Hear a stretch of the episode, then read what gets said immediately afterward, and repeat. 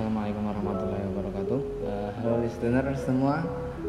Uh, kita di sini ingin akan membahas kenapa kita masih bisa bertahan sampai saat ini. Tapi bukan di segi kesehatan, jadi bukan bukan dari bidang kesehatan ataupun politik ataupun perekonomian, tapi dari segi mental, dari segi pemikiran kita kenapa kita bisa bertahan sampai saat ini. Pernah nggak sih ada yang kepikiran kenapa kita kenapa kita kok masih bisa bertahan gitu loh? Ada nggak sih ada ada nggak dari kita, kalian para listeners itu yang merasa demikian seperti yang aku rasain? Kayak uh, pandemi itu aduh aku nggak bisa teman-teman ke mana nggak bisa berteman ke mana-mana nggak bisa bersosialisasi. Apalagi orangnya yang ekstrovert yang butuh banget untuk orang-orang untuk butuh banget orang-orang bisa tetap hidup gitu loh bahasanya ya untuk tetap hidup ya jadi uh, kenapa kita masih bisa bertahan sampai saat ini. Apa yang membuat kita bertahan? Yang jelas karena kita punya tujuan ya.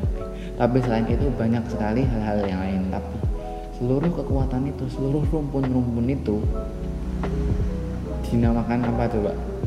Ini nih yang aku sebenarnya aku aku tuh salah satu orang yang gimana ya bahasanya tuh udah mulai uh, aware aware terhadap uh, something yang namanya kesehatan mental ya udah pada aware semua kan? Ada pernah kan mesti yang dengerin kata-kata healing healing jalan-jalan tapi jalan-jalan tapi dinamainya healing healing untuk uh, nyegerin uh, pikiran lah atau apa. Nah itu juga salah satu bentuk dari uh, proses kesehatan mental. Cuma hampir semua orang udah tahu kan aware dan pentingnya kesehatan mental itu apa. Tapi uh, sejak aku lihat poster lomba dari uh, MYJ ini Muslim Youth Competition ini yang diselenggarakan dari pondok pesantren UII ini uh, ketentuan dan temanya tuh unik gitu loh menarik aja gitu. Resiliensi real resiliensi resiliensi. Sering-sering kebalik bahkan aku mengucapinnya itu tuh hal baru yang apaan sih itu kayak ini? Aku kan kayak udah belajar dari podcast podcast dari jurnal-jurnal tentang kaitannya tentang psikologi tapi kenapa kok aku malah belum pernah dengar hal itu gitu loh. Terus aku belajar baca-baca nih. Nah karena itu juga aku ngikutin salah satu lomba. Yang pertama itu lomba poster sebelum akhirnya aku ikut lomba podcast ini karena ya materinya cukup menarik menurutku. Dan ya aku membaca beberapa jurnalnya. Ya belum semuanya. Aku juga belum melakukan penelitian atau survei terhadap tiap-tiap orang. Cuma hal ini tuh begitu sangat relate menurutku. Resiliensi resiliensi itu menurutku sangat-sangat relate dan uh, aku tidak bisa aku tidak punya bahasa yang cukup untuk membahasakan kekuatan-kekuatan yang membantuku bertahan hingga saat ini dalam konteks psikologi dalam konteks mental health ataupun uh, kesehatan pikiran kita. Okay. Beberapa jurnal juga mengatakan bahwa resiliensi itu berasal dari kata bahasa Inggris resilience yang artinya kemampuan untuk bertahan dan kebertahanan kita di kebertahanan kita sampai saat ini. Itu sih maaf bahasanya. Agak gagal gigu ya maaf. Soal sih bahasanya? Kalau ceduk-ceduk soalnya uh, ini pertama kalinya juga aku ngikutin podcast. Kembali karena tadi materinya yang seseru itu sih. Oke okay, uh, eh, menurut uh, bahasa itu tadi resilience resilience itu dan menurut istilah sendiri itu resilience adalah ketahanan psikologis yang berupa kemampuan mental atau emosional untuk mengatasi krisis dan beradaptasi di berbagai situasi untuk bisa tetap bertahan uh, dan bentuk adaptasinya tuh termasuk tergolong cepat. Kita patut bersyukur sebelumnya sebagai manusia diberkahi akal dan pikiran untuk bisa bergerak bersama, memikirkan apa yang bisa kita gerakan bersama dan itu adalah bentuk-bentuk dari resiliensi dan kaitannya di sini yang akan yang akan sedikit aku coklat di sini itu berkaitan dengan uh, kesehatan mental tadi. Kenapa? Karena ya cukup banyak orang yang udah mulai aware, tapi kenapa nggak ada yang aware sama yang namanya resiliensi ini? Aku cukup eman-eman sih. Tapi ya mari kita bahas sedikit ini sedikit. Oke, dari bahasa udah, dari istilah udah, tapi uh, pernah dengar nggak sih? Kalau aspek resiliensi itu ternyata tidak seperti semudah healing healing atau apa pun itu atau hal-hal yang memang udah berbau tren gitu ya. Tapi uh, aspek resiliensi itu tersebar luas karena pengertiannya juga masih general gitu loh. Dan uh, dan yang akan aku sedikit bahas nanti di sini adalah tips-tips untuk kita tetap bisa resilient untuk tetap kita bisa bertahan berkelanjutan beradaptasi dengan tips-tips yang ada dan aku rangkumkan dari beberapa jurnal. Uh, sebelumnya aku udah cerita tadi kalau aku juga mengikuti salah satu lomba poster kalian bisa lihat di postingan sebelum ini ataupun bisa di kalau yang belum pernah lihat berarti bisa di add dan di Instagram saya. Kalian bisa lihat kalian bisa dilihat situ uh, maaf add noza.ux ya aku juga seseorang salah salah satu seorang UX designer juga selain aku minat di bidang psikologi. Oke lanjut. Terlalu banyak intermezzonya. Uh, aspek resiliensi itu terdiri dari tujuh. Menurut Revision Shuttle di tahun 2002 resiliensi berbentuk tujuh aspek dari diri seorang. Yaitu berikut. Ini yang bakal uh, cukup berpengaruh uh, nanti di antara tips-tipsnya sebelumnya itu kita bahas dulu aspek dari resiliensi itu apa aja. Ada tujuh yang pertama adalah emo, emosi emotion regulation bahasa Inggrisnya. Regulasi emosi atau pengaturan emosi di mana kemampuan kita untuk berada pada tekanan berada dalam tekanan untuk tetap tenang dan rileks dan e, menjaga kita dari emo, emosi negatif. E, contoh-contohnya kayak yang kita hadapi dulu itu kayak semacam aduh ini besok kalau udah nggak pernah sekolah lagi gimana? Aku nggak punya temen aku bodoh sekali. Kita tuh kan nah itu kan kita pernah dihadapkan aku sendiri sih. Aku sendiri pernah dihadapkan dengan hal-hal yang berbau seperti itu. Dan aku juga yakin teman-teman juga teman-teman listener juga cukup banyak mengalami hal-hal yang demikian. Terus yang kedua ada impulse control impulse control impulse control impulse sendiri ada di otak cukup banyak ada di otak dan ya secara bahasanya sendiri tadi itu artinya pengendalian diri. Bagaimana kita bisa mengendalikan diri kita atas ekspektasi yang tadi sudah kita ekspektasi baik ataupun buruk yang sudah tadi kita buat. Atau e, rencana rencanakan atau canangkan. E, seperti halnya nah kita aduh aku udah takut banget ini gimana besok kalau nggak sekolah gimana kalau nggak pernah sekolah terus aku nilainya jeblok banget. Ataupun aku nggak punya teman lagi ataupun organisasiku mati ataupun ya dan banyak banyak banyak dan hal-hal banyak hal-hal lainnya seperti itu terus di bagian ketiga adalah optimistik.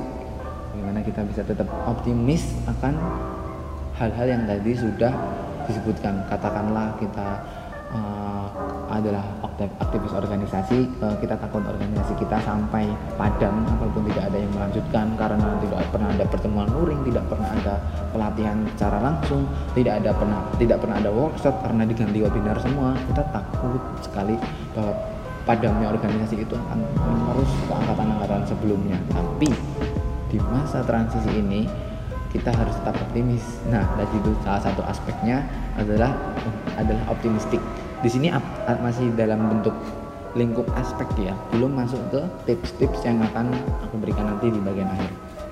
Terus yang keempat adalah causal analysis analisis penyebab masalah. Nah kita dihadapkan dengan banyak sekali masalah yang mulai dari masalah yang sebenarnya bisa kita handle atau kita bisa atur pegang apa ya bahasanya ya e, bisa kita canangkan bisa kita pegang dan terbalikan ataupun kita selesaikan. Ada pula uh, masalah yang memang itu sudah kehendak dari Tuhan yang kita harus selesaikan sama-sama. Maksudnya udah out of our control gitu loh. Katakanlah seperti pandemi kita nggak tahu pandemi bakalan datang. Kita juga tidak sama sekali tidak mengharapkan pandemi akan datang ya kan?